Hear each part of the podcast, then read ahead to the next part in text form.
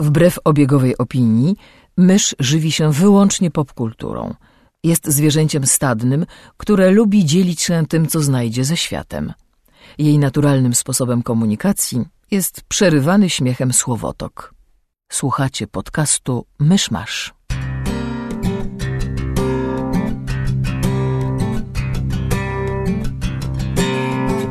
Gospodarzami podcastu Myszmasz są Krzysiek Ceran, redaktor portalu Avalon.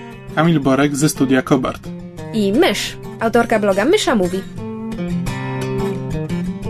Drodzy słuchacze, jest 30 marca 2015 roku, urodziny Mehmeda Zdobywcy i Vincenta Van Gogha. A pojutrze drugie urodziny Myszmasza. Ale to nie dzisiaj. Zapraszam do 95 odcinka podcastu Myszmasz. Wiosna, cieplejszy wieje wiatr. La, la, la, la. Znów było lat. E, Skoro tak mówisz. Tak mówię. Nie jestem pewien, co Was zainteresowało w ostatnim tygodniu z nowości, zapowiedzi i innych takich rzeczy, ale tuż przed wyjściem z domu obejrzałem pierwszy zwiastun, zwiastunek e, Spectre, następnego Bonda. A bo już jest? A to mi kompletnie Tak, ominął. dosłownie przed wyjściem z domu jakoś w nocy się pojawił. Cool. Takie 80 sekund. A ciekawie się zapowiada. Ciekawie się zapowiada, bo tak jak, tak jak Quantum of Solace było pierwszym filmem bondowskim, który był bezpośrednią kontynuacją poprzedniego filmu, e, a potem Skyfall robił wszystko, co mógł, żeby nie przypominać ludziom o Quantum of Solace, e, tak teraz Spectre będzie kontynuował, znaczy nawiązuje do, do Skyfalla już, już w zwiastunie pojawiają się wątki. E, także to może być ciekawe. Zwiastun też coś sugeruje na temat, na temat powiedzmy charakteru Spectre w filmie. Nie wiem, jeśli ktoś unika spoilerów jak ognia, to nie będę mówił. No wygląda to ciekawie, ale wiesz, 80 sekund, przypadkowe sceny, także to może nijak nie świadczyć o filmie tak naprawdę. A kto reżyseruje Spectre? E, Sam Mendes, tak jak Mhm. Skyfalla. No to... Wydaje mi się, że tam, że tam i ci sami scenarzyści są i chyba operator. Chyba tak, chyba są jakby powtórzenie ze Skyfalla. No, jestem bardzo ciekaw, co im z tego wyjdzie. Mm. No, może być śmieszny Bond. Ja ostatnio byłam mało internetowa, więc nieżele, niewiele rzeczy... Nieżele? Niewiele rzeczy mi w radar wpadło, natomiast dzisiaj rano zobaczyłam em, pierwszy oficjalny f- foto z, z Deadpoola. I się, I się bardzo ucieszyłam. Znaczy, sam fakt, że ten film wreszcie powstaje, mnie po prostu bardzo, bardzo cieszy. Ja wiem, że już mieliśmy na antenie um, bardzo krótką, co prawda, dyskusję na temat tego, jak prawdziwy Deadpool, znaczy, jak oryginalny Deadpool ma się do tego, co ostatnio było popularne wśród fanów i komiksach i em, jakby p- pytanie właśnie, kto, którego Deadpoola będzie bardziej grał Reynolds, ale no cieszę się. Jestem bardzo ciekawa, jak to wyjdzie. Hmm. Zwłaszcza, że chyba nadal dyskutują na temat ratingu. Nie, to Czy już chyba, ustalili? chyba już ustalili, że to będzie PG-13. Też w tym tygodniu wiele nie mam, bo ja w tym tygodniu odpierałem e, ataki barbarzyńców na Asku. I troli. Nie, no, nie troli. No, troli to może Nie, nie tak, na Asku. E, tak. Ale bardzo, bardzo dzielnie walczyłeś. Poległeś na tarczy. Jak poległem, wypraszam sobie takie. Hej, to jest tam 30 pytań, na które nie odpowiedziałeś. To, to No bo co będę odpowiadał z domu? Rozumiem. Szanuję... po, to, szan- po to jest praca. Dokładnie, ja szanuję własny czas. Czy twoi pracodawcy mogą nas słuchać czasami? Mam nadzieję, że nie. No dobra, to chyba segment newsowy wyczerpaliśmy właśnie. W tym tygodniu chyba tak. Ja wspominałem w zeszłym tygodniu, że e, różni deweloperzy mnie uszczęśliwili taką kumulacją tych moich gier e, przygodowo-interaktywno-filmowych Mm. i się po kolei z nimi, z nimi rozprawiałem, więc przeszedłem w ten sposób drugą księgę Dreamfall Chapters, drugi rozdział Tales from the Borderlands i drugą, drugi epizod Life is Strange. I w sumie o wszystkich mogę tak dość zbiorczo powiedzieć, bo drugie epizody mają to do siebie, że rozwijają wątki, przez co tak naprawdę nie można o nich powiedzieć nic więcej niż o pierwszym epizodzie, bo trzeba by wchodzić w spoilery, więc to jest No taka... tak, pierwszy, pierwszy epizod to musi być uderzenie, żeby cię przyciągnąć do siebie, a potem drugi już, już tego nie musi robić, a jeszcze ma czas na to, że później się tam porozwiązuje, więc to jest takie cała masa po prostu wstępów. Tak, to znaczy e, Dreamfall Chapters i Life is Strange, e, obie, obie drugie części e, podbijają stawki i jakby uderzają, uderzają w poważniejsze tony niż, niż w pierwszych epizodach i to wypada ciekawie. E, Dreamfall Chapters w najlepszych momentach ta druga księga jest e, no, jest, jest tak jak Dreamfall i The Longest Journey, kiedy, kiedy są najlepsze. Ma świetnie napisane postaci, ma fantastyczne dialogi, wciąga, angażuje i jest super. W najsłabszych momentach to Dreamfall Chapters przypomina mi Dreamfalla, to znaczy, tak, to jest świetna historia, tylko trzeba się przebić przez taki sobie gameplay, żeby ta historia poszła dalej. E, bo tutaj przede wszystkim to, jak zaprojektowano oba miasta, po których się poruszamy, no bo znowu mamy Propas, czyli tę dzielnicę Europolis, po której, po której porusza się Zoe Castillo i mamy też sporo e, w tym drugim magicznym świecie w Arkadii. Tam jest to główne miasto Markuria, znane z poprzednich dwóch gier, e, bo Kianem gramy sporo w tym rozdziale.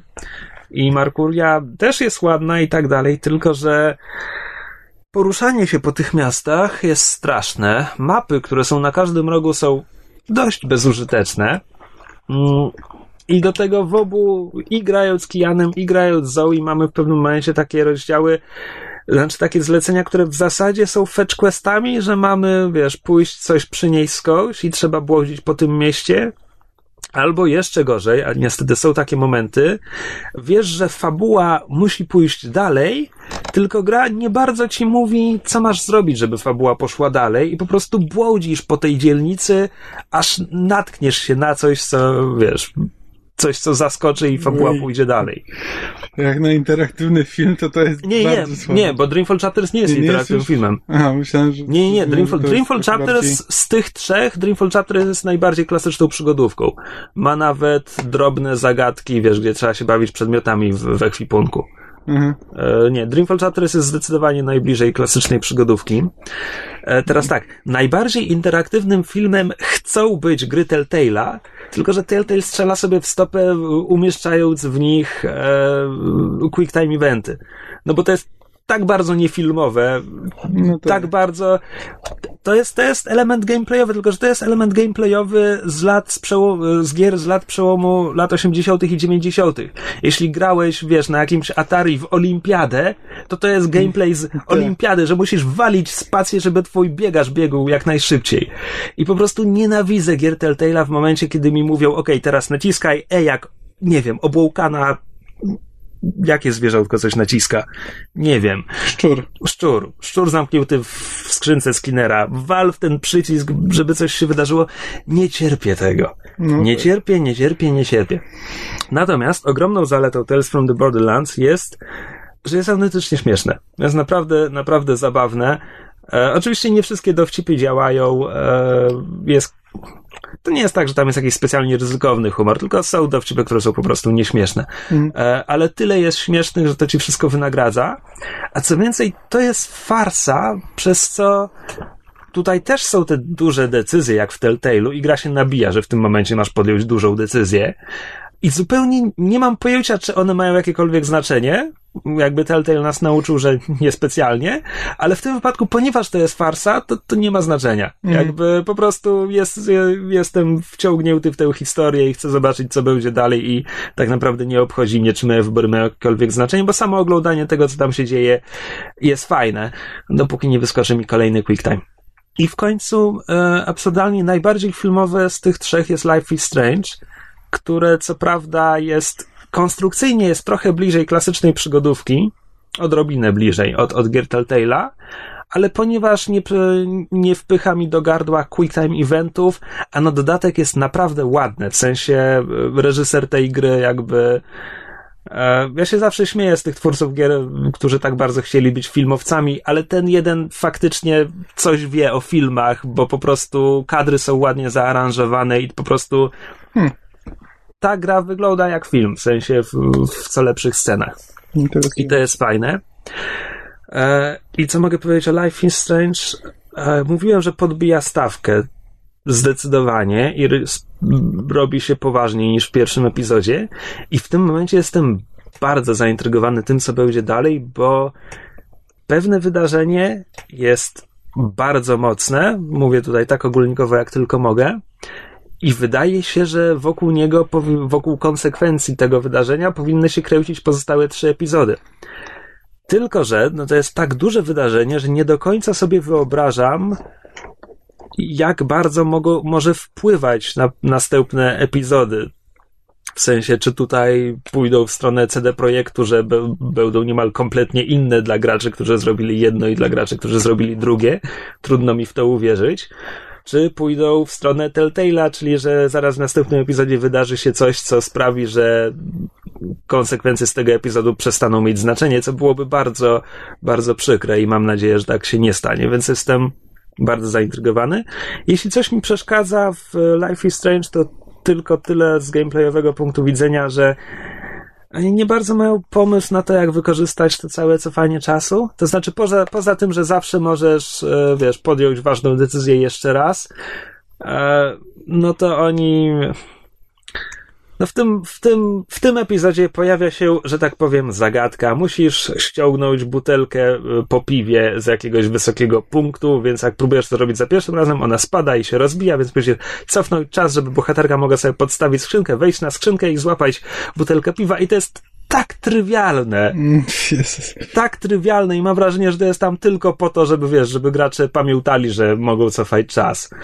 E, więc naprawdę byłoby fajnie, gdyby, gdyby zamiast takich trywialnych rzeczy zrobili z tym coś ciekawego, ponieważ tak naprawdę najciekawsze wykorzystanie cofania czasu w tym epizodzie pojawia się w momencie, kiedy gra zabiera ci tę możliwość. Co, co sprawia, że decyzja, którą musisz po, potem, chwilę potem podjąć, jest o tyle ważniejsza, że wiesz, że nie będziesz mógł jej cofnąć, tak? Mhm. Więc jeśli najciekawsze, co potrafią zrobić z cofaniem czasu, to zabrać ci tę umiejętność, no to no tak. coś nie do końca działa.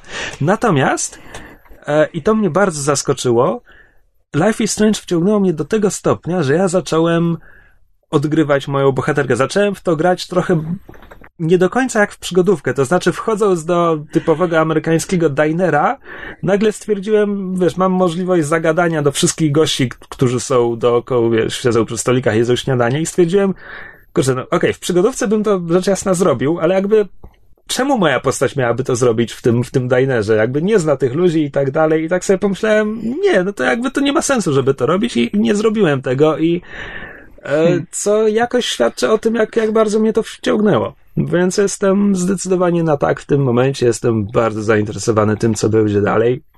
No i teraz oczywiście jest pytanie, kiedy ukażą się kolejne epizody, bo Dream, na Dreamfall Chapters czekaliśmy dwa miesiące z haczykiem i Red Thread, Red Thread Games nie podaje żadnych dat.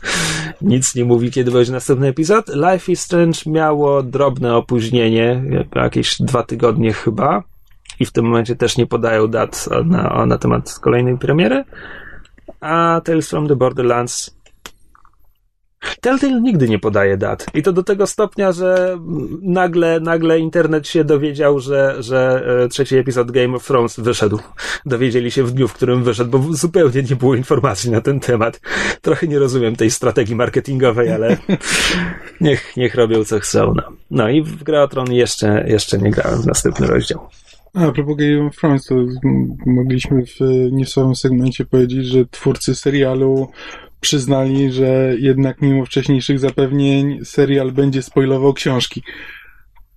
Co, ale a były zapewnienia, że nie będzie? Przecież od dłuższego tak, czasu oni... wiadomo, że skończył przed Martinem. Znaczy, no, znaczy, oni... umówmy się, że skończył przed Martinem było wiadomo 5 lat temu. Znaczy, tak, ale mimo wszystko Martin twierdził, że napisze tę książkę na 100% w terminie, zanim wyjdzie tam e, piąty, czy szósty sezon. E... Przeczytałem strasznie fajną rzecz, e, bo ponieważ Martin teraz powiedział, że nie pojedzie tam na któryś z tych dużych amerykańskich konwentów właśnie dlatego, że kończy Winds of Winter i tak dalej, więc internet się ucieszył. Ojej, Martin Martin kończy Winds of Winter. E, po czym dzisiaj przeczytałem, że Martin mówił to samo, że, że nie jedzie na jakiś konwent, żeby kończyć e, taniec ze smokami w 2005. tak.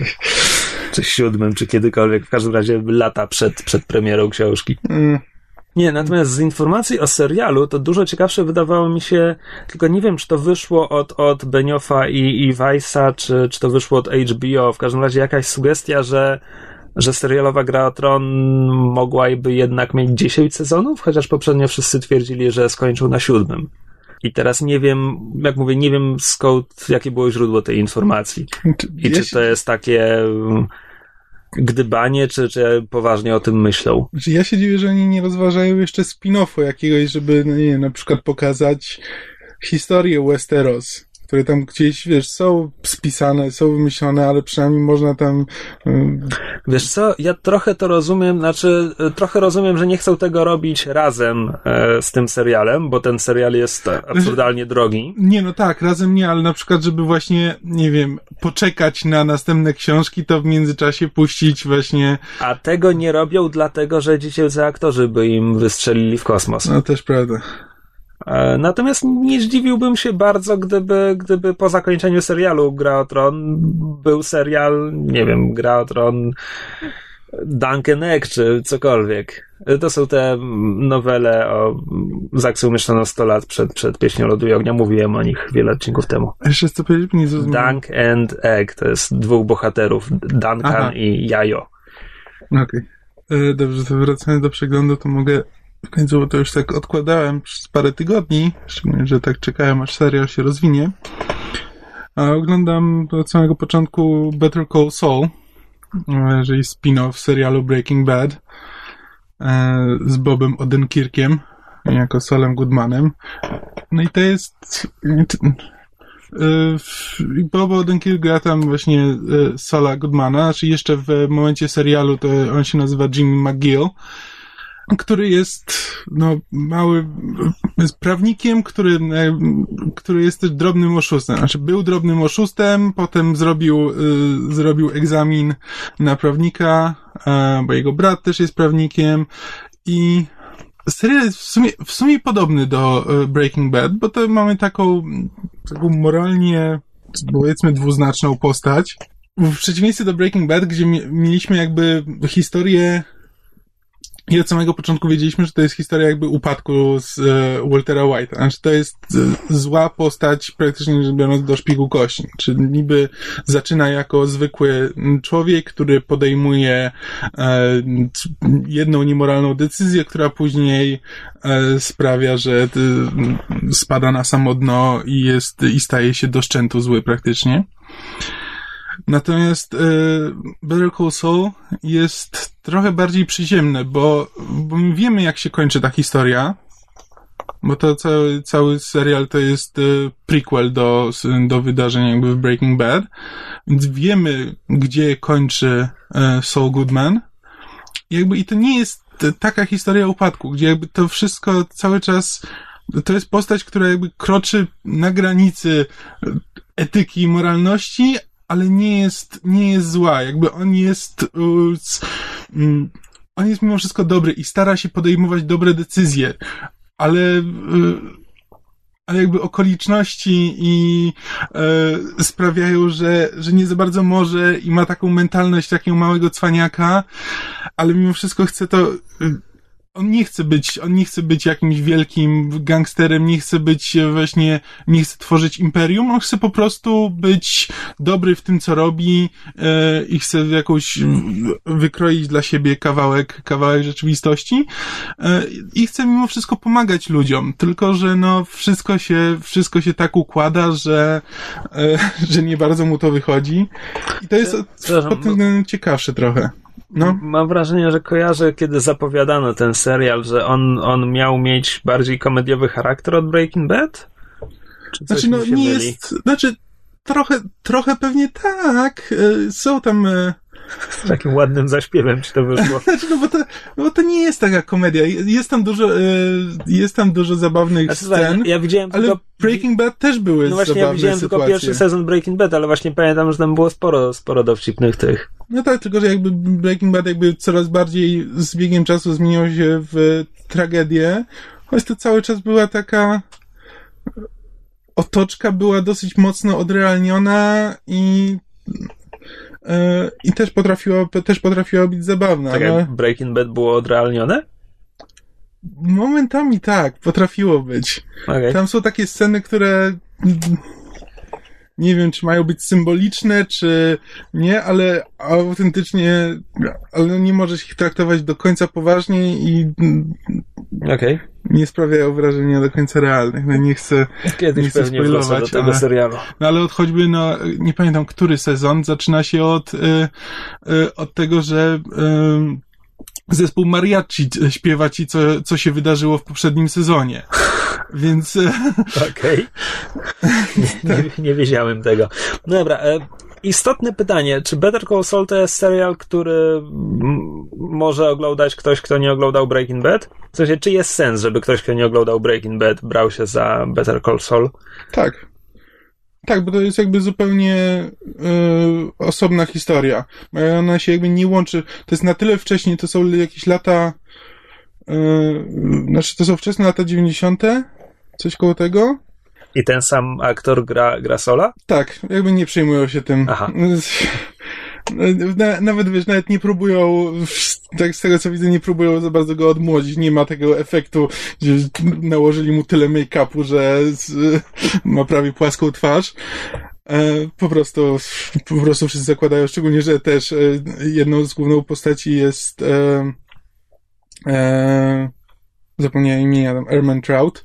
E, to jest ten sam aktor, co w, w piątym sezonie Community zastąpił e, Pierce'a. Taki łysy, e, łysy starszy wiem, aktor, wiem. no, który też wygląda, wygląda już dużo starzej i też się, też się postarzał przez tych parę lat trwania Breaking Bad i też gra postać o 10 lat młodszą niż, e, niż w serialu i po prostu, no, magia telewizji. No i właśnie, i jakby cały, to jest bardzo powolny serial, tam jakby nie ma właśnie, nie ma takich dramatycznych sytuacji jak, e, jak Breaking Bad, nie ma z, nie ma wielkich jakichś moralnych decyzji, e, przynajmniej póki co, no, jesteśmy dopiero tam na jakimś siódmym, ósmym odcinku, już nie pamiętam nawet. E, No ale to chyba już blisko końca sezonu, prawda? No tak, ale to jest właśnie taka, mówię, to jest znacznie mniejsza historia. E, I bardziej, i bardziej ludzka.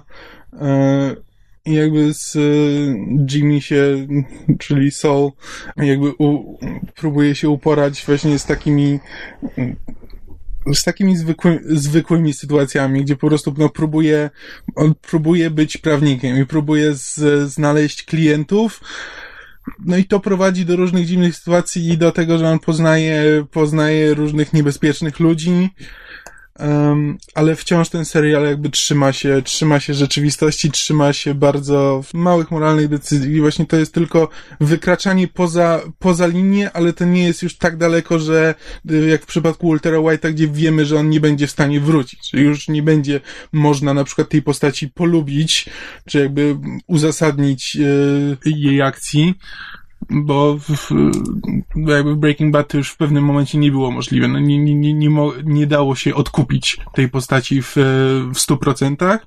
Natomiast tutaj jakby Soul cały czas pozostaje takim łotrzykiem, drobny, drobnym oszustem, o, ale o dobrych intencjach, który je, gdyby mógł, nie byłby oszustem. E, tylko, że cały czas.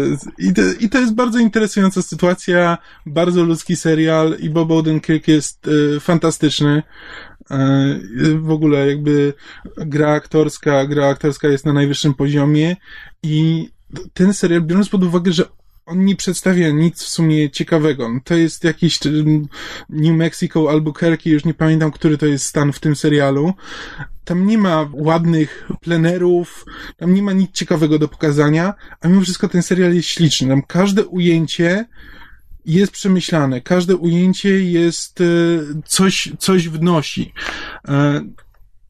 I jakby wygląda, mimo wszystko wygląda zupełnie inaczej niż większość seriali telewizyjnych, które jakby mają taką sztampę i wszystko wygląda w miarę podobnie i są jakby pewne ujęcia, które są standardowe i wiadomo, że mają wyglądać fajnie, to tutaj wszystko jest troszkę inne i wszystko jest ładnie, ładnie przemyślane i mimo, że jakby nie ma nic ciekawego do pokazania, to jest to pokazane w tak interesujący sposób, że naprawdę y, trudno się oderwać od ekranu.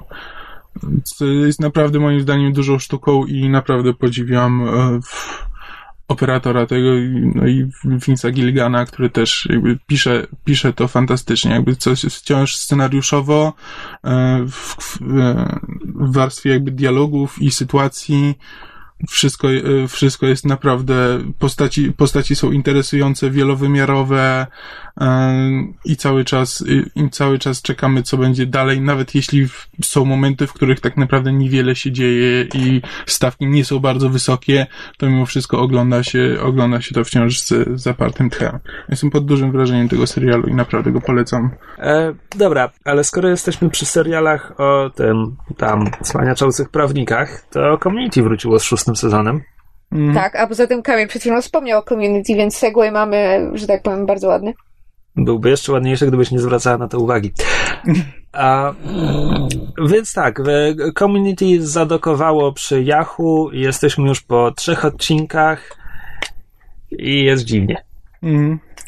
Znaczy, ja słucham wciąż podcastu Harmontown, właśnie twórcy Community i on już parę razy mówił, że dziwnie się czuje będąc, pracując dla Yahoo, bo kiedy pracował dla Sony, to miał miał swoich nemezis.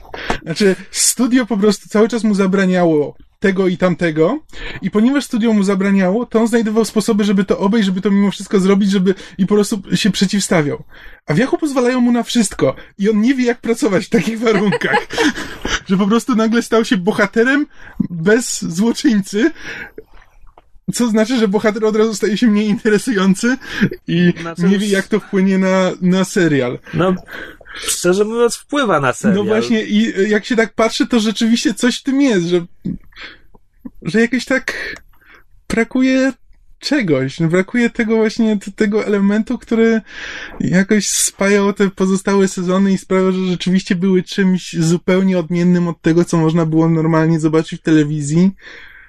No a teraz jest taki, no, kolejny taki quirky, dziwny sitcom, i nie wiem, jak to, nie wiem, jak to odbierać. Bardzo mnie to boli. No, ja się na przykład ucieszyłem, bo jakoś nie, nie dotarło to do mnie przed, przed premierą, ale ucieszyłem się, że Cliff David występuje w tym sezonie, bo go lubię. E, tylko niespecjalnie coś robią z jego postacią na razie. No tak. W ogóle się pojawił dopiero w drugim odcinku, no tak, tak. nie bardzo miał czas dla siebie też. Natomiast e, to nie jest zarzut konkretnie do tego sezonu, ale tam już chyba nikt nie wie, co robić z Britą. A to, to mnie szczególnie boli, bo ja ją bardzo lubiłem w pierwszym sezonie. Tylko, tak. że potem ją po prostu ogłupili. Ją doszczętnie ogłupili. Krótko tak, później. Dokładnie, bo to była bardzo interesująca postać, właśnie taki typowy, wiesz, e, coś, coś, co myślę, że jakby dla wielu osób mogło być, e, mogło być czymś, z czym można się... Tak, bo ona, ona była tą, tą buntowniczką, tą kontestantką, a jednocześnie takie jakby ucieleśnienie tego, co, co w Ameryce się nazywa White Guild. Tak. Czyli tego, tego sum, sumienia białych. I to było spoko, tylko przy tym była inteligentna. I te, I te kwestie tego, czy ona jest autentyczna w tym swoim sprzeciwie, czy ona po prostu wie, że powinna się sprzeciwiać i dlatego się sprzeciwia, to było fajne i ciekawe i mniej więcej od drugiego sezonu ona jest po prostu blondynką stereotypową i to jest straszne trochę. Tak. Zrobili z niej taką, taką ogłupioną hipiskę. No, tylko mówię, to nie jest, to nie jest problem szóstego sezonu, tylko tak, to jest tak. problem tak. ogólnie serialu od lat. E, a reszta, kto właściwie został ze starej obsady? Został Abed, Annie, e... Jeffrey i ten tam, Dziekan. Dziekan nie powinien być równoprawnym głównym bohaterem tego serialu. Nie. I to też, e, no ale jakby jego rolę zwiększali też już od ładnych paru lat, więc to też nie jest tak, że to się nagle, nagle zdarzyło, ale on po prostu on jest zbyt dziwny. On jest zbyt dziwny, żeby być na pierwszym planie. Mm. A mówimy tak. o community, więc a to o, dusza sztuka. Tak, a mówimy tak, o community, które też na przykład miało ogromne problemy z Changiem, który też był zupełnie inną tak, postacią dokładnie. w pierwszym, drugim sezonie. I... zarówno, no bo jakby Chang nigdy specjalnie nie lubiłem tej postaci, nawet kiedy była w tle, ale jakby rozumiem... Ale on w pierwszym sezonie miał sens. Mia ta tak. postać miała ręce i nogi, mniej więcej. Tak, a... ale jakby, a kiedy się pojawia cały czas, kiedy jest praktycznie cały czas na ekranie, to już ta jego dziwność przestaje dziwić i przestaje być interesująca. I to samo, to samo z dziekanem, który no też jak się pojawiał na chwilę w kolejnych dziwnych kostiumach i coś, miał coś zabawnego do powiedzenia, to było super. A kiedy cały czas jest na ekranie, no to znowu to traci, traci cały urok. Tak, tylko zobacz, że oczywiście to wszystko to nie są problemy szóstego sezonu. To są rzeczy, które są w serialu Tak. od lat, tylko że przez poprzednie sezony w serialu było coś jeszcze, co jakby Tak, sprawiało, że- że to aż tak mnie nie gryzło, jak gryzie mnie teraz. Tak, że Harmon miał jakiś pomysł na to, co chce, co chce zrobić, co chce przedstawić. A teraz to jest właśnie serial o tym, jak zrobić szósty sezon serialu i wciąż być interesującym, mimo że się nie ma pomysłów. No i to niestety jest już, tylko że nie ma ciekawych pomysłów na to, jak to pokazać. No po prostu jest serial o tym, że trudno jest zrobić długi serial. Znaczy, słuchaj, przy pierwszym odcinku autentycznie pomyślałem, że community w końcu zrobiło się zbyt meta, jak dla tak, mnie. tak. Nie, pierwszy odcinek, pierwszy odcinek bardzo mnie e, rozczarował, bo no bo właśnie był tylko i wyłącznie meta. I jakby nic ciekawego nie powiedział. Znaczy to jest to, co, to, co wielokrotnie też mówimy z, e, przy grach, że zwrócenie uwagi na jakiś problem w grach e, dla komicznego efektu jest tylko interesujące, jeśli masz jakieś inne rozwiązanie dla niego. A jeśli tylko zwracasz na coś uwagę i to ma być cały dowcip, no to to jest niewystarczające. I trochę ten pierwszy odcinek to był taki, że właśnie zwracał uwagę na to, że cała obsada się zmieniła, że nikt właściwie nie wie, o czym ma być ten sezon, co oni jeszcze robią w tym koledżu, tylko że nie, nie oferuje żadnego, żadnego interesującego y, rozwiązania, co właściwie oni powinni robić teraz w tym szóstym sezonie. I potem kolejne dwa odcinki też pokazują, że nie bardzo mają pomysł, co mają robić w tym sezonie. I trochę mnie to, trochę mnie to martwi. Nie, nie, nie napawa optymizmem dla, na resztę odcinków. No tak, więc jeśli ktoś w ogóle nie zna community, to z całego serca polecamy pierwszych parę sezonów. Tak, to na pewno. Na pewno pierwsze, pierwsze trzy, znaczy pierwsze dwa na pewno, trzeci trochę się, trochę jest nierówny. Czwarty był w ogóle dziwny, piąty tak, był a, spoko. a piąty, piąty potem wrócił naprawdę do formy, piąty jest bardzo fajny. No i teraz szósty próbuje się odnaleźć mam nadzieję, że on, on jest pisany w miarę na bieżąco, bo jakby jak słuchałem to, jak słuchałem podcastu, to jakby on jest, e, Harmon jest ca, cały czas pisze kolejne odcinki, no więc to nie jest tak, że wszystko jest już napisane i z góry zaplanowane, więc liczę na to, że jeśli, mm, Wiesz, jeśli inni ludzie też odebrali te, te pierwsze trzy odcinki tak jak my, to że on to weźmie pod uwagę i że to jakoś go zainspiruje do e, tego, żeby znaleźć, znaleźć wreszcie jakiś pomysł na, e, Mo- na ten sezon. Może wciąż jest w szoku, że w ogóle pisze szósty sezon. Ale on cały czas jest. On, on wielokrotnie mówił, że to jest po prostu jak e, gryzienie betonu dla niego, że w tym momencie on, ma, on ma naprawdę duże problemy z, z pisaniem tych kolejnych odcinków, ale no jakby mm, robi to, e, robi to dla fanów w dużej mierze. Jakby czuć, on cały czas zapewnia, on, sam, bo mówi, że, no, że teraz to pisze to dla fanów, ale, ale oczywiście też dla siebie i że to, no, ale, no, ale tak, że pewnie gdyby nie było tych fanów, gdyby ten, to może by zaczął robić coś innego I- widać po prostu, słychać po tym, jak on mówi, że, że ma ogromne problemy z, ze znalezieniem jakiegoś pomysłu To nie brzmi dobrze. i właśnie to, to nie brzmi dobrze. To, ja chyba już, już Six Seasons and a Movie. Po prostu zrobi ten szósty sezon, Tak, potem napisze, wykrakał. napisze film i zajmie się czymś innym, bo po prostu no, nie widzę, jak, jak on miałby być w stanie to dalej pociągnąć. Szczególnie, że on w dużej mierze pisze ten serial sam. On niby ma zespół, ale też wielokrotnie jak opowiada, no to no wiesz, to tam pewnie tam ludzie mu pomagają, ale on mimo wszystko jest control freakiem i on praktycznie każdy z, e, każdy odcinek pisze, e, pisze samemu, tylko z jakimiś tam pomysłami od, e, e, od innych scenarzystów. Więc on, on się po prostu wypala przy każdym sezonie, ale no, nie wiem, nie wiem, no liczę na niego, on jest, potrafi sobie, tylko że on, on potrafi sobie radzić z przeciwnościami, tylko że jak nie ma tych przeciwności, to się gubi. Więc liczę na to, że jeśli ten sezon mu nie idzie, to na koniec serialu się w nim odnajdzie. I to jest jedyna nadzieja na to. Bo póki co ma po prostu za łatwo. No po prostu dostał szósty sezon i może sobie z nim robić co chce. I on po prostu nie jest sam w sobie na tyle zmotywowany, żeby zrobić z tym coś ciekawego. Jeśli ktoś mu nie, nie powie, że tego nie możesz zrobić, e, to wtedy on nie ma motywacji, żeby to zrobić. Mm, Okej. Jak tam kolorowanka, myszu? Bardzo dobrze, odprężam się. Bo słuchacze nie wiedzą, ale mysz, słuchając, y, jak chłopcy rozmawiają, koloruje kolorowankę, bo ma lat 27 i to są, to jest rzecz, którą robią, robią ludzie dorośli. Tak samo jak dzisiaj przyszłam do studia w butach na rzepy. Przechodząc do tematów trochę bardziej popkulturowych, ale pozostając w temacie rzeczy, które jednocześnie są nowe, a z drugiej strony wróciły. Wow. Wow. Czekaj, chcesz powiedzieć, że teraz buty na rzepy zaliczają jakiś wielki comeback? Nie, no. Why do I even bother? Oh, butter.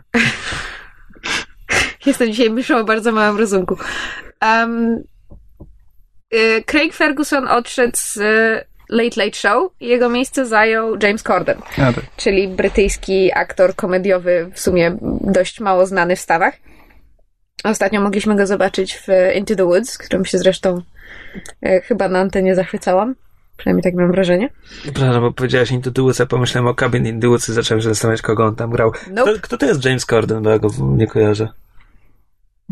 Taki...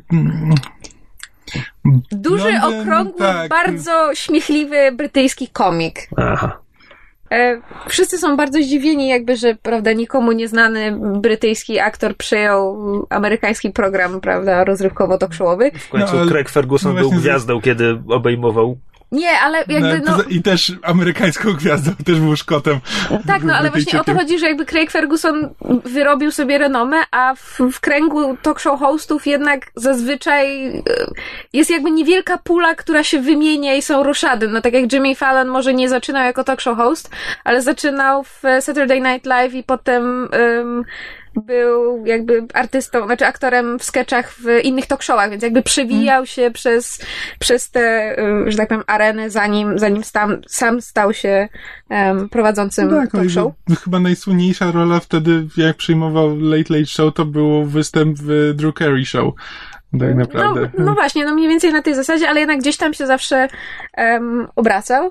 Natomiast chyba nikt nie jest bardziej zaszokowany tym, że go wybrano niż sam Corden, co, co sprawia, że jakby em, jest strasznie taki, um, jak jest po polsku, humble.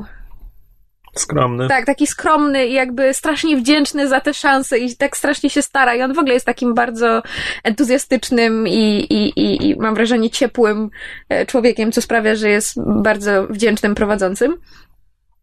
I bardzo fajną ma formułę ten Late Late Show, dlatego że mam wrażenie, że Corden wziął elementy z różnych talk showów, które są fajne i połączył to wszystko z jedno, w jedno. To znaczy, talk showy zazwyczaj się zaczynają od tego, że prowadzący wychodzi, wychodzi na scenę i tam rzuca parę różnych żartów odnośnie mm, ostatnich wydarzeń, czy tam nagłówków w gazetach. To są zazwyczaj takie, wiesz, one-linery. A Corden trochę na zasadzie em, ten Last Week Tonight z Johna Olivera po prostu wybiera sobie jeden temat i na jego temat, na, na, na jakby te- ten temat omawia i tam są różne żarty i to jest jakby cały ten segment. Natomiast fajną ma bardzo formułę, dlatego że w przeciwieństwie do innych em, amerykańskich talk showów, gdzie prowadzący siedzi za biurkiem i, i, i zazwyczaj za niego nie wychodzi, chyba, że są jakieś tam, prawda, skecze, czy jakieś takie śmieszne bity, jak właśnie robi e, Jimmy Fallon, czy, czy, czy Jimmy Kimmel, to um, Corden postanowił wykorzystać trochę formułę ala um, Graham Norton Show. To znaczy, że on siedzi obok, um, jakby na krześle obok, obok zaproszonych gości i nie ma tak, że, zaprasza ich pojedynczo, tylko są zapraszani tam parami Mhm. albo grupami. I to właśnie nadaje takiego fajnego, dość naturalnego e, rytmu, gdzie nie jest tylko na zasadzie pytania, odpowiedź, pytania, odpowiedź, pytania, odpowiedź, tylko zazwyczaj, oczywiście wszystko zależy od tego, jakich gości się akurat zaprosi, no bo nie wszyscy mają gadane, nie wszyscy potrafią, prawda, improwizować i, i, i, się udzielać. Natomiast wychodzi z tego taka strasznie fajna, bardziej naturalna rozmowa, a nie, nie prawda, taki suchy wywiad. I na razie były trzy odcinki, Corden zebrał bardzo, bardzo dobre recenzje jakby w show biznesie i wszyscy chwalą ten jego początek. Oczywiście w talk showach nigdy nie wiadomo jak to wypadnie. Znaczy jakby nie można oceniać talk show na podstawie na tam pierwszych paru odcinków, czy nawet pierwszego miesiąca, no bo to jakby um, talk showy ze względu na to, że pojawiają się kilka dni w tygodniu, to to naprawdę muszą się starać utrzymać poziom i, i, i chwilę czasu zajmuje im stanięcie na własnych nogach. W każdym razie ja jestem bardzo szczęśliwa, że Corden dostał swoją szansę, bo, bo że tak powiem, od dłuższego czasu żywię do niego sympatię i uważam, że, że, że mu się należy i że się w tym sprawdzi, więc e, jeżeli ktoś e, szuka dla siebie jakiegoś właśnie talk show z celebrytami, który mógłby oglądać, że tak powiem, od zera, nie musicie nadganiać odcinków, chociaż nie wiem, czy ktoś, czy jest ktoś na tyle psychiczny, kto chciałby nadganiać odcinki talk show. Ty nigdy tego nie robiłaś? Wszystkich nie, bo jest ich za dużo. Znaczy, ja nie mówię o wszystkich talk showach. Nie, ale wybrać jeden i nadgonić Ach. wszystko? Nie. Poza tym mam wrażenie, że nie byłoby takiej opcji. To znaczy chyba nie, nie ma talk showu, który, którego wszystkie odcinki ever byłyby gdzieś do obejrzenia. Zwłaszcza, że wiele z nich właśnie trwa od wielu, wielu lat. Po drodze zmienili się prowadzący, no trudno jest to wszystko upolować. Właśnie Late Late, jakkolwiek to się nazywa, z Fergusonem, e, na YouTubie jest, nie wiem czy wszystko, wiem, że jest bardzo, bardzo, bardzo dużo. Mój brat kiedyś się strasznie ten miał, miał fazę właśnie na Fergusona i oglądał to i jakieś najlepsze fragmenty mi przekazywał. Mnie to krzały nudzą, więc ja to, wiesz, oglądam raz na kwartał, jak ktoś mi podeśle linkę, że coś jest wartego zobaczenia. Znaczy wiesz co, ja sobie właśnie teraz wybrałam e, dwa czy trzy talk showy, które, które regularnie oglądam na zasadzie, że wiesz, właśnie w tym czasie na przykład, nie wiem, koloruję albo rysuję, albo wykonuję jakieś tam, wiesz, manualne czynności, nie wiem, na przykład pokój sprzątam i gdzieś w tle mi leci, bo jednak czasami jak są wywiady z celebrytami, to są albo właśnie jakieś fajne historie, albo zabawne właśnie rozmowy i fajnie, fajnie jest to sobie obejrzeć tam, nie wiem, do kotleta.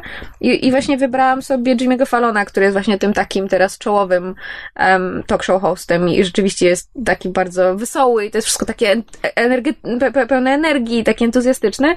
Drugi to jest Seth Meyers, do którego nabrałam sympatii po, po Saturday Night Live. Właśnie teraz do tego dochodzi e, Corden, bo mówię, kibicuję mu i mam, jestem bardzo ciekawa, jak ta taka bardziej brytyjska formuła e, talk showu sprawdzi się na, na amerykańskim gruncie. No w każdym razie, jeżeli kogoś to interesuje, to rzeczywiście warto, warto się tym Late Late Show nowym zainteresować. A słuchacze, których to nie interesuje, już dawno przestali nas słuchać, więc Albo przewinęli dalej. To normalne. Przyzwyczaiłam się, że nikt mnie nie słucha. to mówiłaś? Ła, ła, ła. Dobra, to bardzo szybko, bo, to, bo nie bardzo mamy o czym mówić. E, Z Krzyśkiem obaj zaczęliśmy grać w, jak to Krzysiek nazywa, filary z Eternitu. Pilary, pilary. Mamy Pilary? takie słowo po polsku przecież. Mamy? Pilar? Nie mamy? Myślałem, że pilar to jest właśnie filar. W każdym razie chodzi o grę Pillars of Eternity, e, która miała swoją wielką premierę w ostatni czwartek i od razu jakby wszystkie recenzje, które widziałem są szalenie entuzjastyczne. Tak. Wszyscy piszą, że to jest, że to jest, że to nie tylko jest powrót do RPGów w stylu Baldur's Gate 1, 2, Icewind Dale i tak dalej, ale że jest to gra na miarę najlepszych gier tego gatunku. Tutaj niech każdy sobie podstawi własną najlepszą grę tego gatunku, Planescape Torment. E, grałem w to z mojej perspektywy sporo, bo wbiłem w grę już prawie 4 godziny. Tyle tylko, że to jest gra, która tam według recenzji, tak żeby ją mniej więcej przejść w całości, to 60 godzin trzeba poświęcić. E, więc tak naprawdę zobaczyłem, wiesz, wstęp, pierwszą wioskę i, i zrobiłem kilka, kilka malutkich questów.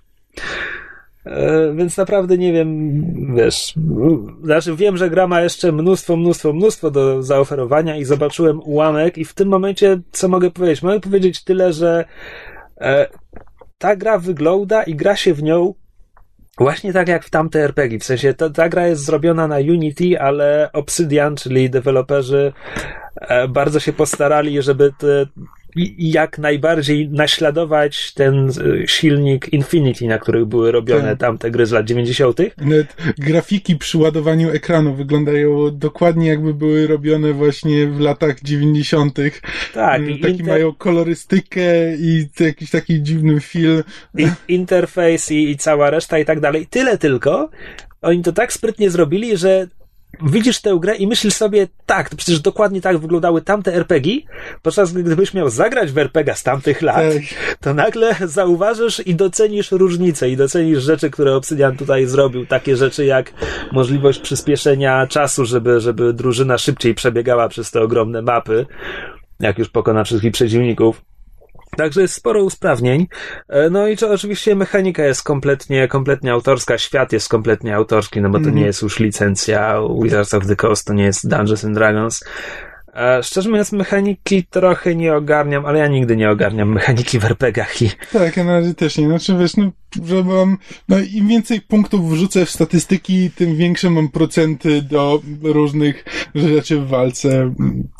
No i to tyle. No a, a umiejętności są w miarę do ogarnięcia i mm, nie trzeba, znaczy jest w miarę intuicyjnie jakby ten system rozplanowany, także właśnie nie trzeba do końca rozumieć znaczy podstaw- i wgryzać się w te procenty. Podstawy mechaniki tak, no ale jak, ja, jak tam już masz parę przedmiotów w ekwipunku i nagle musisz się zastanawiać, czy potrzebna ci jest broń sieczna, która zadaje obrażeń tyle i tyle, że może raczej kłuta, która zadaje obrażeń tyle i tyle.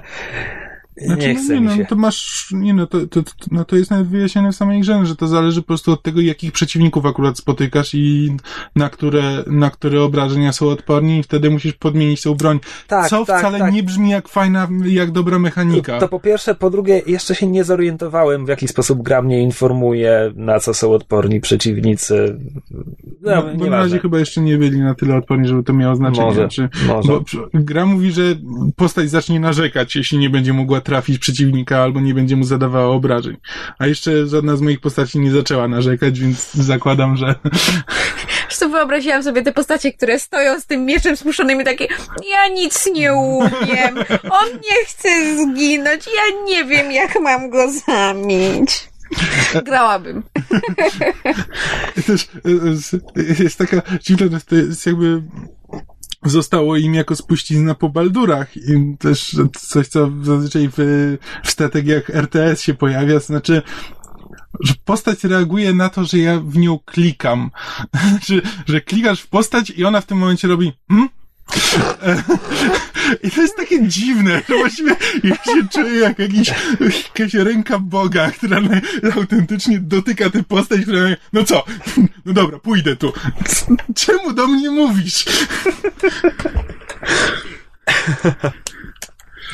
A i i jeszcze jak jesteśmy przy takich drobnych narzekaniach, które nie mają żadnego wpływu na rozgrywkę, znaczy y, jak, włączy, jak uruchomiłem grę, no to gra zainstalowała mi się automatycznie jakby przeszła na język polski. Mhm. Y, To w obcach możesz zmienić. E, Tak, no i właśnie, ale stwierdziłem, że dobra, że z, zostanę przy polskim, z- zobaczymy co będzie. No i tam przeczytałem pierwsze ekrany tworzenia postaci. Okej, fajnie to jest napisane, wygląda na to, że jest dobrze przetłumaczone, nie widzę żadnych błędów, nie widzę żadnych e, uproszczeń, czy taki, czy kalek językowych, kalk językowych, Kalek też nie widzisz. kalek językowych, kalek językowych też nie ma, więc, e, ale, z- e, no ale potem mi się zaczę, potem mi się zaczęły dialogi i nagle jakoś, mimo że w filmach to jest normalne, to jak postaci mi mówiły po angielsku, a napisy miałem po polsku, to mm, strasznie mi to rozpraszało. Ale już, już ci mo- mogę powiedzieć czemu, ponieważ e, kwestie dialogowe są, nie pokrywają się ze wszystkimi dialogami. w sensie, Tak, właśnie- e, e,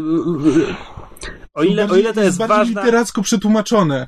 ale nie, bo, bo też o ile, o ile to jest ważna scena, to cały dialog masz nagrany, całą kwestię słyszysz, ale czasami w pomniejszych dialogach postaci mówią tylko niektóre swoje A kwestie. tak, no, to jest jeszcze inna kwestia i to potem w którymś momencie właśnie, potem się przełączyłem tylko na język angielski, żeby stwierdzić, że dobra, to wtedy to, co mi mówią, to jest dokładnie to, co mam na ekranie, ale potem wyłączyłem też dźwięk, bo postaci mi mówią, a w napisach są jeszcze kwestie jakby narratorskie. Narracyjne, tak. Tak, że ja nagle, szczególnie w pierwszym dialogu, to mnie zupełnie wybiło, bo y, tam postać mówi, mówi do ciebie, po czym zwraca się do innej postaci, ale ja tego nie zauważyłem, bo słuchałem tego, co mówi, a dopiero w, y, dopiero w opisie narratorskim jest mówi, że ta postać zwraca się do kogoś innego. I ja wiesz, i to, i, to są drobne rzeczy, ale kompletnie mnie potrafią wybić, jakby y, sprawić, że nie rozumiem w tym momencie, co się dzieje. I po prostu wyłączyłem dźwięk i gram z, gram sobie w, i czytam te dialogi zamiast, zamiast ich słuchać. Co właściwie Też właśnie... jest sposób. No ale też no, to, to trochę tak chyba nie powinno się w to grać. No trochę, trochę to jest taka... No i tak bym prędzej czy później wyłączył ten dźwięk, bo ja zazwyczaj gram z, z jakimś serialem w tle, ale no... e, Wiesz co, e, ta gra oferuje ci tyle opcji, żebyś sobie dostosował gameplay do tego, jak ci się podoba, że wcale nie widzę wyłączania dźwięku jako czegoś Nie, no, nadzwyczajnego na tym tak. tle. Bo wiesz, bo gra ci pozwala wyłączyć podpowiedzi, wyłączyć informacje, jeśli brakuje ci jakiejś statystyki, żeby mieć odblokowaną kwestię w, dia- w dialogach. mm. E, możesz sobie wyłączyć opcję, mm, e, no bo tam zdaje się, że mm, bo to jest automatycznie chyba wyłączone, ale że jest też opcja, że ci przy dialogu pokaże, jak, jaki to będzie miało wpływ na twoją reputację, jeśli A, tak, wybierzesz tak, tak. taką opcję. No to ja to sobie wy, wyłączyłem na przykład. to też wyłączyłem. E, tak, więc można sobie, można sobie bardzo jakby dostosować tę grę do swoich, do swoich wymagań i potrzeb. E, do tego są oczywiście poziomy trudności, gdzie gra od początku wbija ci do głowy, że poziom normalny jest dla ludzi, którzy grali w RPG w latach 90. i poziom normalny jest trudny. E, ale też masz do tego, masz do tego poziom jakiś tam ścieżka potyłpionych, który, która ci w ogóle podbija statystyki przeciwników, a nie samą ich liczbę. Masz też opcję, możesz to sobie zamienić w roguelike'a, jeśli chcesz. Możesz mieć tylko jeden save, który zostanie automatycznie wykasowany, jeśli twoja postać zginie. Tak, w 100-godzinnej grze, ja bym się w życiu na to nie porównał, ale są ludzie, którzy tak grają. No jeśli ludzie grają tak w Diablo, no to mogą też grać tak w ten w Pillars of Eternity, zakładam. Ale to, to, to nie jest coś, czego mam zamiar kiedykolwiek spróbować. No tak. No i oczywiście mamy tutaj też to, co, co było znakiem rozpoznawczym przynajmniej niektórych RPGów z lat 90., to znaczy masę tekstu, masę, masę, masę tekstu, dużo właśnie tekstu narracyjnego, który nam informuje nas o szczegółach wyglądu postaci, z którą prowadzimy dialog, czy ewentualnie jakichś gestach, które wykonuje, a których oczywiście nie widać, bo nie ma takiej animacji w grze. E, mamy też fajne takie przerywniki, kiedy nagle po prostu ekran jest jakiś ładny obrazek jako tło i jest taki Zamienia się w paragrafówkę. Zamienia tak się w paragrafówkę, mamy akapit tekstu, parę decyzji do podjęcia, do tego jakaś pojedyncza ilustracja i to jest, oczywiście to są wszystko cięcia budżetowe. To, to jest wszystko zrobione dlatego, że zanimowanie tego wszystkiego kosztowałoby fortunę i w ogóle Mhm. wydłużyło pracę niewiarygodnie dłużej, więc to jest wszystko po to, żeby ta gra była tańsza, ale to to tak urok. buduje klimat. Tak, tak. Ja to uwielbiałem w Planescape Torment i tak dalej i to jest fajne.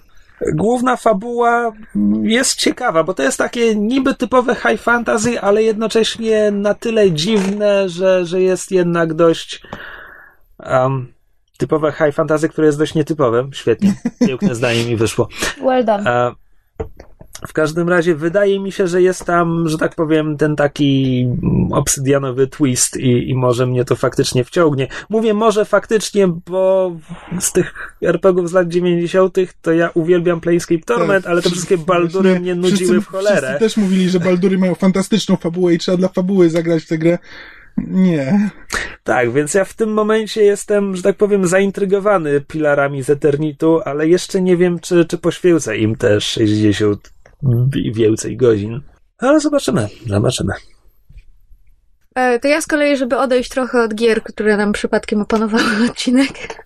Ale tak to jest, jakby się dorwiecie do mikrofonu. Mówisz, jakbyśmy wyrwali ci go z garści i po prostu Z gardła. trzymali, trzymali na ten. Na odległość ręki. Tak, właśnie. Tak. Em, ja z kolei obejrzałam e, nominowaną do Oscara animację e, Song of the Sea. Em, I jest to e, kolejna animacja studia Cartoon Saloon. Co oni zrobili wcześniej? Em, Secret of the Kells, również nominowany do Oscara film. To jest irlandzkie studio animacji. Em, jakby trudniące się taką tradycyjną em, rysunkową czy malarską Tradycyjną animacją. celtycką animacją. Tak, dokładnie. znaczy, się śmiejesz, ale właśnie wszystko jest w takiej e, jakby celtyckiej e, estetyce. Um, niestety Secret, Secret of the Chaos nie widziałam, mimo że wszyscy się tym filmem zachwycali, kiedy on wyszedł i kiedy był nominowany do Oscara i podobno jest absolutnie zachwycający. Um, natomiast sięgnęłam po Song of the Sea um, po pierwsze dlatego, że byłam bardzo ciekawa właśnie tego, tego studia animacji, które już dwa swoje filmy miało nominowane do Oscara i były bardzo chwalone, ale przede wszystkim ze względu na fabułę, dlatego, dlatego że Song of the Sea opowiada, znaczy nawiązuje do um, celtyckich mitów o Selkie. Selfie? Selfie stick. Czekałam na to. Um, Selkie to są um, mityczne istoty z celtyckich, nie wiem, baśni, legend, folkloru, jakby tego nie nazwać. Takie syrenki. Tak, takie jakby syrenki, tylko takie bardziej w stronę... Tej kopenhaskiej syrenki. Nie, myślałam raczej o takich... I Um, greckiej syrenki. Nie, no, Nie, greckie syreny- Przecież były te ptakoludzie. A, e, czekaj, bo te, Miałem na myśli zabójczość. bo te kelpi, nie, nie kelpi. Właśnie nie, ale że, ciekawe, że mówisz o kelpie, dlatego że kelpie i selki to są dwa chyba moje ulubione stworzenia mityczne. Kelpie to są te Kelpie wełpie. Kelpie to są te koniki morskie konie. Znaczy, kelpie to są mordercze demony, które są w stanie, przy, zazwyczaj przybierają postać pięknego rumaka, ale są też w stanie przebrać postać pięknej kobiety. No i basically chcą zabijać ludzi. Selkie, owszem, mają trochę wspólnego z syrenkami, ale z tymi, które... W wodzie, w wodzie zamieniają się w foki, nie? Tak, Mają właśnie- focze futra. Tak, to, no, No to zupełnie jak ta kopenhaska syrenka. nie, no bo kopenhaska syrenka ma więcej wspólnego z małą syrenką. No ale też się z... No dobra, Nie. nieważne. Nie, one. Selki mają więcej wspólnego z syrenami, które podobno widzieli marynarze płynący w okolicach em, Ameryki i Ameryki Południowej, czyli. Nie, nie, to, to manaty Manaty, były. tak, to właśnie, ale manaty są trochę podobne do fog, więc dla mnie to się zawsze jedno z drugim łączy. Dobrze, o co chodzi? Um, selkie to są basically um, ludzie, którzy są w stanie się zamieniać w foki, to znaczy przywdziewają focze futra i jak wchodzą do wody zamieniają się w foki, a jak wychodzą na ląd zrzucają focze futro i są ludźmi. I legenda idzie tak, znaczy, Że jak im zarobiesz to futro, to nie będą mogły się zmienić z powrotem. tak, i Tak jak kopenhaska syrenka. Się uwziął na uwziął się, no. Zejdź z tej syrenki, nieszczęście ty moje. Em, tak, no i jakby główna, główna legenda jest taka, że prawda, jakiś tam um, celtycki tam marynarz, rybak, nieważne, przyuważył te selkie em, be, bez futer siedzące tam na, na, na skale i czeszące włosy i jednej, jednej selkie ukradł futro, no i ona biedna nie mogła wrócić do swoich, do morza, więc poszła z nim i, i za niego wyszła i urodziła mu dzieci. No i któregoś razu przychodzi do niej mała córeczka i mówi, że mamo, a dlaczego tatuś codziennie wieczorem wchodzi na strych, zagląda do tam zamkniętej skrzyneczki i głaszczy futro. No i jakby ta, ta, ta matka się słowem nie odzywa, idzie na ten strych, zabiera Bo to tatuś futro. ma problemy. Tak, zabiera to futro i wraca do morza i porzuca te swoje dzieci. No i to jest jakby właśnie, znaczy to, to mi się zawsze podobało, że to nie, To się podobało, że porzuca swoje dzieci. tak, znaczy podobało mi się, że celtyckie, że jakby celtycki folklor, folklor jest w sumie dość taki rzewny i smutny i melancholijny i jakby Song of the Sea bardzo do tego nawiązuje, bo mamy właśnie ojca i, i, i, i dwójkę jego dzieci, które porzuciła matka, tylko że film jakby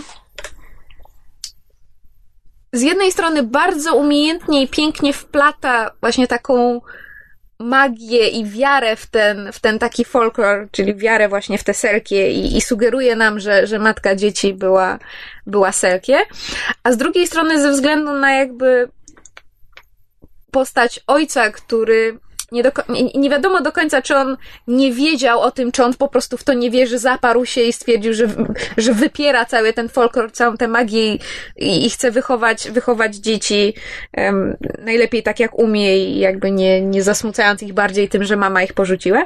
I bardzo fajnie właśnie łączy taki realizm z, z, z magią. I w ogóle film, ze względu na to, że jest robiony tradycyjną animacją i w bardzo specyficznym, takim malarskim stylu, jest absolutnie czarujący. To jest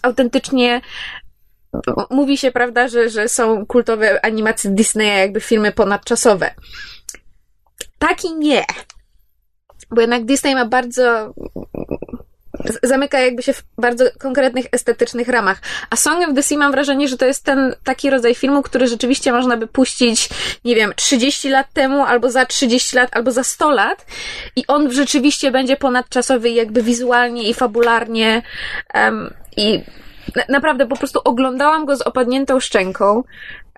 Jest, jest ciekawy i angażujący i taki poruszający emocjonalnie i zabawny i smutny i, i tak pięknie przeplata ten, ten, ten folklor właśnie selki i takiego, te, tego takiego klimatu magii, który mam wrażenie, że w Irlandii czy w ogóle właśnie w, w krajach celtyckich jest, jest em, na co dzień jakby obecny i też takich bardziej em, tradycyjnych em, mitów starożytnych Celtów.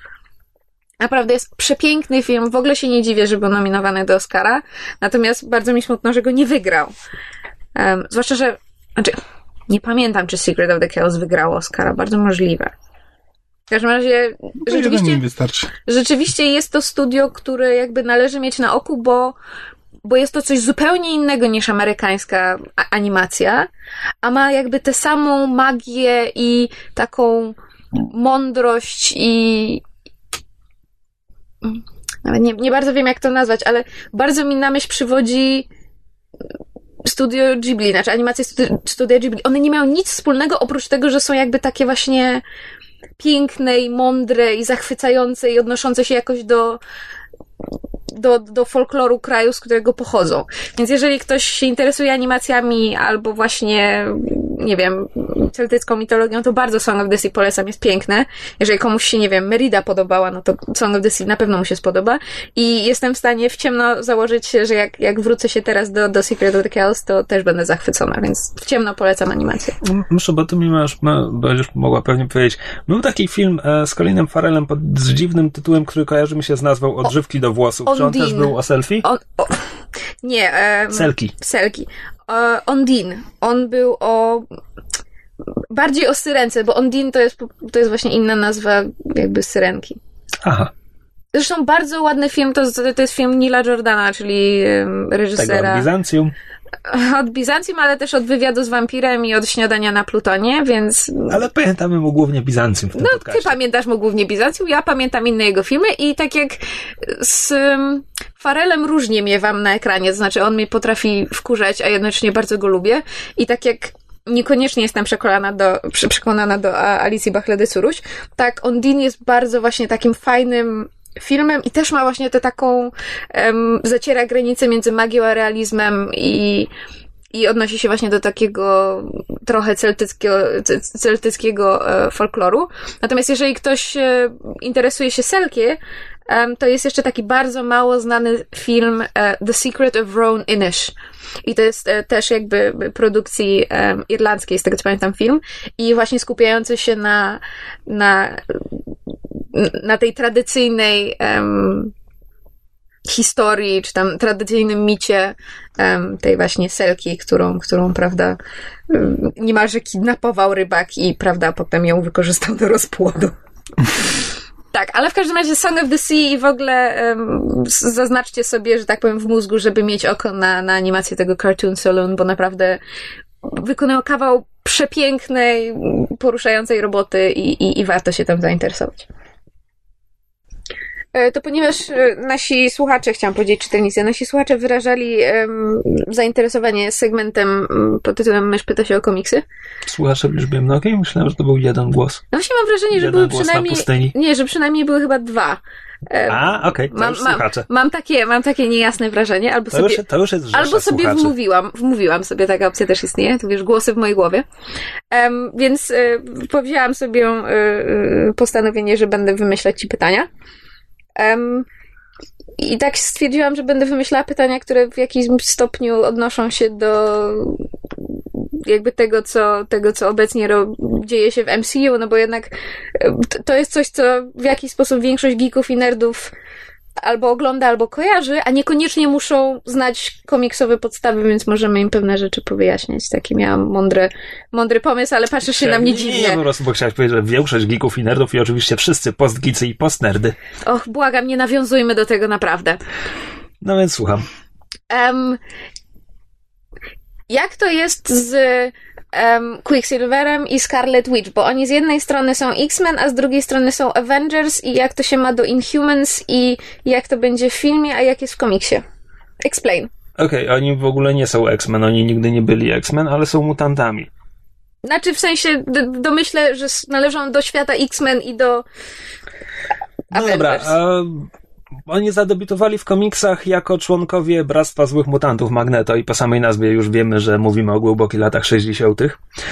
E, I jak sama nazwa wskazuje, byli mutantami, bili się z X-Men i tam potem zniknęli na jakąś chwilę i kiedy pojawili się po raz kolejny, pojawili się na łamach Avengers, bo w tym momencie Avengers postanowili się e, rozejść i tylko Kapitan Ameryka kontynuował dzieło i e, drugi skład Avengers to był Kapitan Ameryka, Hawkeye, chyba już Black Widow? Nie, Black Widow chyba trochę później. Czyli to był Kapitan Ameryka, Hawkeye, który przed chwilą był złoczyńcą i Quicksilver i Scarlet Witch, którzy przed chwilą byli złoczyńcami. Więc to było, wiesz, takie ten e, podsycanie zainteresowania fanów. I właściwie od tamtego czasu oni po prostu byli Avengers. I tak naprawdę z X-Men nie mieli nic wspólnego do momentu, gdy i tu mówimy już o czymś ładnych parę lat później. Nie jestem pewien, jak, jakie konkretnie daty wyglądały. Widzisz, oryginalnie ktokolwiek ich wtedy pisał, stwierdził, że um, Quicksilver i Scarlet Witch są dziećmi pary bohaterów z tak zwanej złotej ery. Nie mogę powiedzieć złotej ery Marvela, bo Marvela nie było w złotej erze. To było wydawnictwo chyba wtedy Timely Comics czy, czy cokolwiek. I ktoś wyciągnął z szuflady dwie postaci, bodajże Wizera i Miss Amerykę. Jeśli ktoś pamięta ze szczegółami każdy odcinek kreskówki o Spider-Manie z lat 90., to oni tam byli raz. I to było, i to było ustalone na jakiś czas, nie pamiętam jaki. Plus tam został dopisany taki, taki szalony mm, genetyk, e, ksywa High Evolutionary, że on odbierał ich poród, czy, czy cokolwiek. Jakoś był z tym wszystkim powiązany. E, I to był, to było jakby taka wersja obowiązywała przez jakiś czas, i później ktoś postanowił wprowadzić retcon, czyli że nagle napisał coś, w czym twierdził, że to, co dotąd czytelnicy wiedzieli, nie było prawdą, bo tak naprawdę wydarzyło się XY, coś innego. tak. No i ten retcon polegał na tym, że okazało się, że Miss Ameryka i Weezer wcale nie byli rodzicami e, Quicksilvera i Scarlet Witch, tylko że ich ojcem był Magneto. Mhm. To jest ten etap, który ja znam. tak. Teraz nie, nie pamiętam, czy ich matką była była Magda, czy, czy ktoś inny. Magda to była żona Magneto, która zginęła w retrospekcji. E, W każdym razie, e, to było gdzieś w głębokich latach, nie wiem jakich, ale to była wersja obowiązująca przez dobre 30 lat chyba. I w tym czasie też zaczęły się związki z Inhumans, tylko że jedyne ich związki z Inhumans były takie, że Quicksilver związał się z kobietą z rodziny królewskiej Inhumans i miał z nią córkę. Tak jest. E, tak, więc miał z Crystal żo- e, córkę Lunę, czyli Luna była wnuczką Magneto w tym momencie. E, I to była, jak mówię, to był status quo przez lata. I ten status quo został zaburzony dosłownie parę miesięcy temu w komiksach. O, to tego nie wiem. To Tak. więcej. E, W ramach idiotycznej historii, o której nie będziemy tutaj mówić, okazuje się, że Magneto nie był ojcem e, Quicksilvera i Scarlet Witch, w sensie nie jest. I co więcej, przy okazji e, jest powiedziane również, że Quicksilver i Scarlet Witch tak naprawdę wcale nie są mutantami. Tylko, że ta kwestia w tym momencie się jeszcze nie wyjaśniła. To znaczy, teraz trwa historia na łamach serii Uncanny Avengers, która być może to wyjaśni. W każdym razie na scenie znowu jest High Evolutionary i teraz najprostsze wyjaśnienie jest takie, że oni się okażą jakimś jego eksperymentem, ale zobaczymy. W każdym razie na razie jest powiedziane, że Magneto jednak nie jest ich ojcem, oni jednak nie są mutantami. Ale są rodzeństwem. ale są rodzeństwem, tak, i na razie jeszcze nie wiadomo, czym, czym się okażą. A no. I teraz e, czytelnicy myślą, że to dlatego, że żeby komiksowa rzeczywistość trochę bardziej pasowała do filmów. W filmie jeszcze nie wiemy, czym się okażą. Się okaże.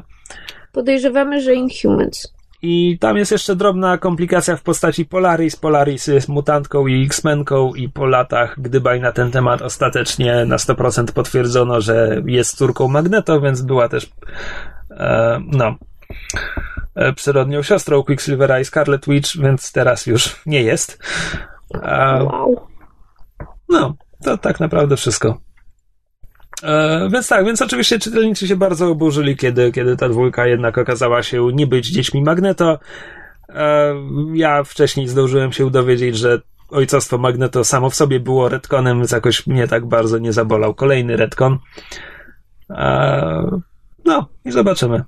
Poza tym po cichu też przypuszczam, że minie parę lat e, Marvel i przestanie się tak gryźć z Foxem i oni znowu będą dziećmi Magneto, bo to ma najwięcej sensu scenariuszowego, ale zobaczymy, może ludzie się przez ten czas przyzwyczają do nowego wyjaśnienia, jakiekolwiek ono będzie. No i Quicksilver jakby z filmów X-Men i z Avengers nie mają nic wspólnego, bo to są dwie zupełnie osobne postacie, no bo Dwa zupełnie różne uniwersa przede wszystkim. tak, bo, bo jak to jest, że oni nie mają prawa się nazywać Znaczy w Avengersach nie w mają prawa MCU, się... w MCU Właśnie. nie może się pojawić słowo mutant. O, właśnie. Dobrze. No.